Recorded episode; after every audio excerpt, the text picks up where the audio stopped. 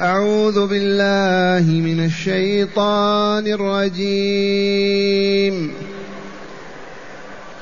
إنا أرسلناك شاهدا ومبشرا ونذيرا لتؤمنوا بالله ورسوله وتعزروه وتوقروه وتسبحوه وتسبحوه بكرة وأصيلا.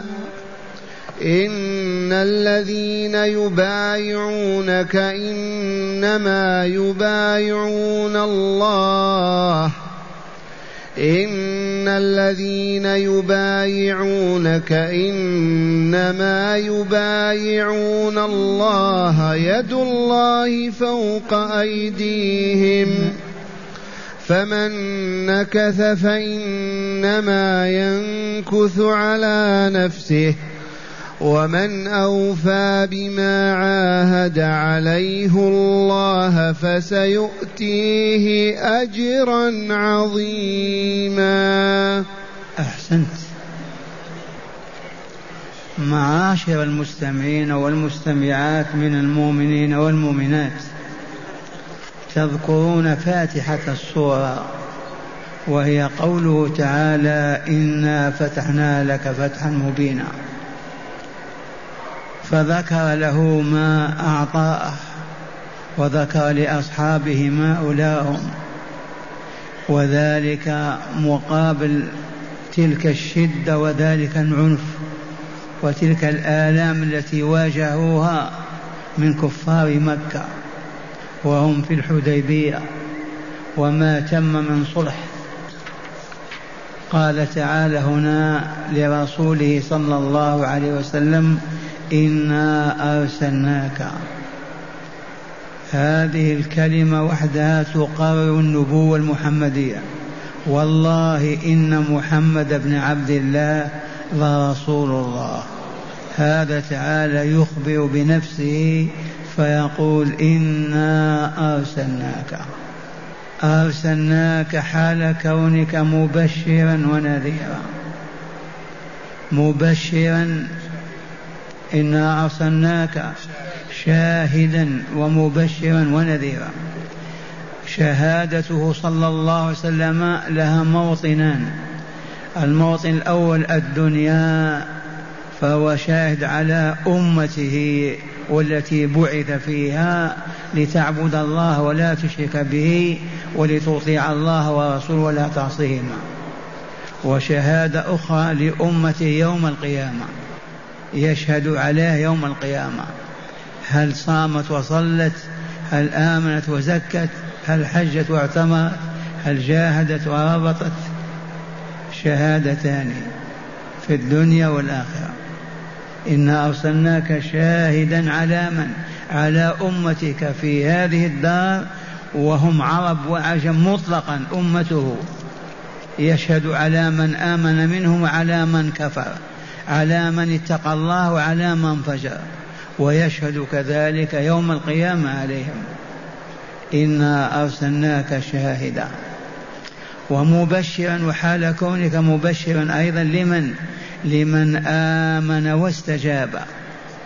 فعبد الله عز وجل بما شرع له من أنواع العبادات فتهيأ لذلك بدخول الجنة مع سعادة الدنيا والكمال فيها.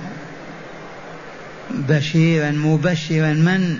المؤمنين المقيمين للصلاة المطيعين لله ورسول الله المرابطين والمجاهدين في سبيل الله. هؤلاء الرسول مبشر لهم. يبشرهم بماذا؟ بالجنة. مع أيضا يبشرهم بعزة الدنيا وكمالها وسعادتها. وقد حصل هذا وظفروا به وفازوا به دون البشر. لما آمنوا حق الإيمان واستجابوا لله والرسول وعبدوا الله بما شرع أصبح المسلمون أفضل أهل الأرض مطلقا. فهو مبشر لهم بسعادة الدارين لكن يبشر من؟ المؤمنين المستقيمين الذين آمنوا وعبدوا الله تعالى بما شرع أن يعبد به وبينه رسوله صلى الله عليه وسلم من الصلاة إلى الزكاة إلى سائر العبادات. ونذيرا بمعنى منذر. ينذر من؟ الذين ما آمنوا ولا استقاموا ما آمنوا ولا عملوا الصالحات. ينذرهم يخوفهم عذاب النار. مع خزي الدنيا أيضا وبلائها عذاب الآخرة أشد. دي مهمة رسول الله صلى الله عليه وسلم. مبشرا ونذيرا. مبشرا المؤمنين العاملين للصالحات منذرا الكافرين والفاسقين والعاملين للسيئات. إذ هي مهمته وما أرسلناك إلا مبشرا ونذيرا. لا يملك هداية أحد من الناس ولكن يقدر على أن يبشر المؤمنين ويحذر وينذر الكافرين والمشركين والفاسقين. إنا أرسلناك شاهدا مبشرا ونذيرا ثم قال تعالى لتؤمنوا بالله ورسوله وتعزروه وتوقروه وتسبحوه بكرة وأصيلا هنا قراءتان سبعيتان الأولى هذه والثانية ليؤمنوا بالله ورسوله بياء الغيبة والكلام كله كلام الله وصحيح لتؤمنوا بالله ورسوله محمد صلى الله عليه وسلم. والإيمان بالله كيف هو؟ أغمض عينيك وفكر أنت موجود وإلا معدم موجود. من أوجدك؟ ذاك هو الله. افتح عينيك وانظر إلى هذه العوالم هذه الكائنات من الشمس إلى القمر من النجوم إلى المطر إلى هذه الجبال. هذه الحيوانات لا بد لها من موجد. لا بد لها من موجد. مستحيل أن توجد بلا موجد. ما وجدنا إبرة توجد بلا موجد. فكيف إذا من أوجدها؟ ذاكم هو الله. فآمنا بالله عز وجل موجودا عليما قديرا غفورا رحيما وليا حكيما. إذا لتؤمنوا بالله المشركون كانوا يؤمنون بالله ربا موجودا يحيي ويميت ويعطي ويمنع ويضر وينفع. لكن مع هذا لا يؤمنون بألوهيته بل كانوا يعبدون الآلهة من الأصنام والأحجار. فإيمانهم ليس شيئا بل لا بد وأن يؤله الله عز وجل. يؤمنون بأنه لا يستحق العبادة إلا هو وهو معنى لا إله إلا الله. عندما تقول أشهد أن لا إله إلا الله تعلن بصراحة أنك ما تعرف إله يستحق أن يعبد إلا الله. لا إله إلا الله. لتؤمنوا بالله عز وجل ربا رب كل شيء وإلها إله الأولين والآخرين فلا إله غيره ولا رب سواه. لتؤمنوا بالله ورسوله محمد صلى الله عليه وسلم. المراد من الرسول هنا محمد صلى الله عليه وسلم. وهذا معنى لا إله إلا الله محمد رسول الله. لا إله إلا الله. نشهد أنه لا إله إلا الله ونشهد أن محمدا رسول الله. وكيف لا نشهد بالرسالة والكتاب بين أيدينا على من أنزله الله على محمد صلى الله عليه وسلم. راه يخاطبه إنا أرسلناك. كيف لا يكون رسول الله؟ لتؤمنوا بالله ورسوله وتعزروه وتوقروه. هنا نعزر الله عز وجل ونوقره ونعزر رسول الله ونوقره. ننصر الله في دينه وعباده وننصر محمد صلى الله عليه وسلم في دعوته ونعظمهما ونجلهما. لتؤمنوا بالله ورسوله آمن بالله ورسوله ونعزر الله ورسوله ونوقر الله ورسوله. هذا هو سر الإيمان. أرسلناه لكم لتكونوا هكذا لتؤمنوا بالله ورسوله وتعزروه وتوقروه. وقوله تعالى وتسبحوه بكرة وأصيلا هذا خاص بالله عز وجل.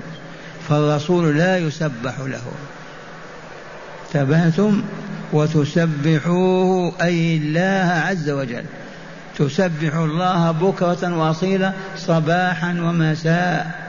وهنا الذين يشهدون صلاة الصبح كل يوم ولا يفرطون سبحوا في الصباح. والذين يشهدون العصر كل يوم ولا يفوتهم سبحوا الله في العشي والآصال. وتسبحوه بكرة وأصيلا. أي بعث رسوله وأنزل عليه كتابه ودعانا للإيمان بالله وحده من أجل أن نفعل هذا الذي أمرنا الله بفعله أو أخبرنا به ونحن فاعلوه لتؤمنوا بالله ورسوله وتعزروه وتوقروه وتسبحوه بكرة وأصيلا. ومن التسبيح الذي ما ننساه سبحان الله وبحمده سبحان الله وبحمده سبحان الله العظيم. سبحان الله وبحمده. سبحان الله العظيم. يقول في هذا رسول الله صلى الله عليه وسلم كلمتان خفيفتان على اللسان ثقيلتان في الميزان حبيبتان إلى الرحمن. سبحان الله وبحمده. سبحان الله العظيم. اتخذوها وردا عباد الله. لا يفوتكم هذا الورد فتعيشوا ظمآ عطاش. لا تنسوا هذا الورد أبدا في الصباح والمساء. ويقول صلى الله عليه وسلم من قال في صباحه أو مسائه سبحان الله وبحمده مئة مرة غفرت ذنوبه ولو كانت مثل زبد البحر. قبل المغرب بربع ساعة عشر دقائق خمس دقائق يكفيك أن تقول سبحان الله وبحمده سبحان الله وبحمده سبحان الله وبحمده بأصابعك مئة مرة. في الصباح كذلك بعد صلاة الصبح بعد الأذان قبل قيام الصلاة سبحان الله وبحمده مئة مرة. أما سبحان الله وبحمده سبحان الله العظيم إذا فرغت من الكلام من الكلام اشغل نفسك بهذا الذكر ولا تنساه أبدا. سبحان الله وبحمده سبحان الله العظيم سبحان الله وبحمده سبحان الله العظيم وأنت راكب على سيارتك وأنت تقودها وأنت على فراشك وأنت وأنت هذا هو حالك يا ولي الله. والذاكرين الله كثيرا والذاكرات. ما خلقنا الله إلا لنذكره ونشكره هكذا يقول تعالى وتسبحوه أي الله عز وجل بكرة أي صباحا وأصيلا أي مساء. هذا نظام حياتنا. ثم قال تعالى إن الذين يبايعونك يا رسولنا محمد صلى الله عليه وسلم إن الذين يبايعونك تحت شجرة السمراء بالحديبية وألف وأربعمائة رجل من أبطال المؤمنين من أصحاب رسول الله بايعوا الصلم على أن يقاتلوا الكافرين حتى يهزمهم الله عز وجل. فلما عرفت قريش ذلك بعثت رسوله لتطالب المصالحة والهدنة. وأما الألف وأربعمائة كلهم ما فر منهم إلا منافق فقط. بايعوا وصل اليد على اليد. على أن يقاتلوا الكافرين حتى يهزمهم الله عز وجل.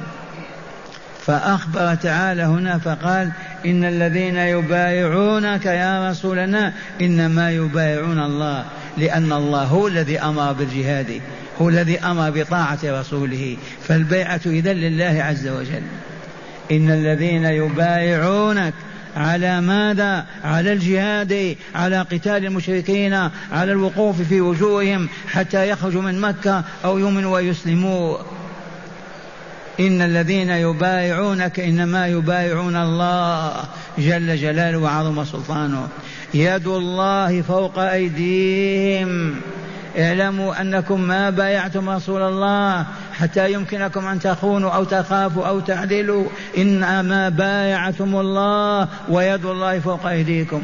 ومن ثم ما نكث والله أحد ولا نقض العهد. وقالوا الله أكبر. ولولا أن الصلح تم لكانوا يجاهدون المشركين ويحتلون ديارهم وهنا قراءتان سبعيتان. الذين إنما يد الله فوق أيديهم.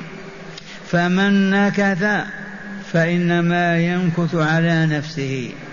من نكث خان نقض بايع على أن يقاتل بعد انهزم هذا نكث النكث على من يعود آثاره وخسرانه وبلاؤه على الناكث. ومن نكث منكم فإنما ينكث على نفسه هو الذي يصاب بخزي الدنيا وعذاب الآخرة. ومن وفى بما عاهد عليه الله فهو من أهل الجنة وسعادة الدنيا. ومن نكث فإنما ينكث على نفسه. أما الله ما يضره ذلك أبدا ولا رسول الله صلى الله عليه وسلم. لكن الذي ينقض هذا العهد ويخرج الجدال للجهاد وما إذا يقاتل هذا والعياذ بالله نقض هذا على نفسه. بلاء وشقاء يصب عليها. أما الله ورسوله لا يضرهما ذلك. ثم قال تعالى ومن أوفى بما عاهد عليه الله. وقراءة سبعية ومن أوفى بما عاهد عليه الله. قراءة ورش المدينة بالتخفيف بالكسر واسم الجلال مرقق بما عاهد عليه الله. قراءة حفص بما عاهد عليه الله. والقراءتان سبعيتان ومعناهما واحد وصحيح ولا خلاف. وإنما اللهجة إن شئت قلت بما عاهد عليه الله أو بما عاهد عليه الله. ولا حرج. ومن أوفى بما عاهد عليه الله الجزاء ما هو ومن أوفى وفى ما نقص ما بخس ما تنازل عن شيء مما تعهد عليه ومن أوفى بما ومن أوفى بما عهد عليه فس فسوف يؤتيه أجرا عظيما. هذه البشرى. والله كما سمعتم. من أوفى منهم بما عاهد عليه الله بأن يبقى مع رسول إلى جنب يقاتل معه حتى ينهزم الكافرون ووفى فما له جزاء إلا الجنة فقط. وما فيها من النعيم المقيم. هكذا يقول تعالى إن الذين يبايعونك يا رسولنا إنما يبايعون الله يد الله فوق أيديهم لأن الله الذي أمرهم بهذه البيعة وأمرهم بالجهاد وأنت رسول الله إليهم هم يبايعون الله ومن هنا فمن نكث فإنما ينكث على نفسه فالله لا يضره لو ارتدوا كلهم أبدا فإن الله بيده كل شيء وإليه مصير كل شيء لكن فقط الذي يتأذى ذاك الذي ينقض العهد وينقض ما تعهد به وأنه يوفي فيه ثم نكثه. فنكثه عائد على نفسه بآضاره بأوضاره وضرره عليه. ومن أوفى بعهده من الله بشروهم. قولوا لهم ماذا؟ سيؤتيه فسيؤتيه أجرا عظيما. ألا وهو الجنة. لا أجر أعظم منها أبدا لأنها دار الخلد والنعيم الدائم المقيم دار الحور العين والقصور والأنهار العذبة النعيم بكامله وفوق ذلك أن ينظر إلى وجه الله الكريم. فلا سعادة أعظم من أن ننظر إلى وجه ربنا عز وجل. وجوه يومئذ ناظرة إلى ربها ناظرة. لما ينعمون بنعيم الجنة يسألون هل وراء هذا النعيم من نعيم؟ يقولون ما وراء هذا شيء. قل لا بلى وراءه. وهو أن تنظر إلى وجه الله فيزيل تعالى الحجاب عن وجهه وينظرون إلى الله فيجدون نعمة ما عرفوا مثلها ولا ذاقوها أبدا. اللهم اجعلنا منهم. اللهم اجعلنا منهم. واحشنا في زمرتهم وأحينا على ما أحييتهم عليه وتوفنا على ما توفيتهم عليه. إنك ربنا ورب العالمين. وصل على نبينا محمد وآله وصحبه أجمعين.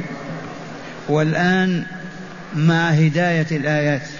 بسم الله والحمد لله والصلاة والسلام على خير خلق الله سيدنا ونبينا محمد وعلى آله وصحبه. من هداية هذه الآيات أولا تقرير نبوة محمد صلى الله عليه وسلم والإعلان عن شرفه وعلو مقامه. من هداية هذه الآيات الثلاث التي تدارسنا الآن بفضل الله تقرير النبوة المحمدية وتقرير شرفه ومجده وكماله. وحسبه أن يقول له رب العالمين إنا أرسلناك شاهدا ومبشرا ونذيرا. ثانيا ثانيا وجوب الإيمان بالله ورسوله ووجوب نصرة الرسول وتعظيمه صلى الله عليه وسلم. ثانيا وجوب الإيمان بالله ورسوله ووجوب طاعة الله ورسوله. من آمن بالله ولقائه وجب أن يطيع الله فيما يأمر وينهى. من آمن بأن رسول الله حق رسول الله يجب أن يطيعه ويحبه ويمشي وراءه ويقتدي به. نعم. إذ قال تعالى لتؤمنوا بالله ورسوله. نعم. ثالثا وجوب تسبيح الله وهو تنزيهه عن عن كل ما لا يليق بجلاله وكماله مع الصلاة ليلا ونهارا. من هداية هذه الآيات وجوب تسبيح الله تعالى وتقديسه وتطهيره من كل نقص أو عيب. مع كلمة سبحان الله ليل نهارا مع عبادته وبخاصة الصلوات الخمس. فأهلها مسبحون لله عز وجل. نعم. رابعا وجوب الوفاء بالعهد وحرمة نقض العهد ونكثه. من هداية هذه الآيات معاشر المؤمنين والمؤمنات وجوب الوفاء بالعهد. من عاهد رجلا أو امرأة كبيرا أو صغيرا حاكما ومحكوما يجب أن يفي بوعده. وحرام النقض والنكث والعياذ بالله. واسمعوا قول الله تعالى ومن نكث فإنما ينكث على نفسه. الخسران كامل ينصب عليه هو. وعدت ربك وفي بعهدك. عاهدت نبيك وفي. عاهدت أباك أمك شيخك كذا. جارك قلت له أعطي كذا. يجب أن تفي. النقض للعهد حرام ولا يحل لمؤمن أن ينقض عهده. لا سيما العهد مع الله. نعم. العهد مع الله من قال أشهد أن لا إله إلا الله وأشهد أن محمد رسول الله ولم يعبد الله. نكث العهد ولا ما نكث نقض يشهد أن محمد رسول الله ولا يستن بسنته ولا يمشي وراءه ولا أن يكون مثله. نقض وإلا ناقض ما وفى يشهد أن لا معبود إلا الله ولا يعبده ويعب أو يعبد معه غيره نقض عهده. فلا بد من الوفاء فيما بيننا وبين ربنا فيما بين وبين أنفسنا.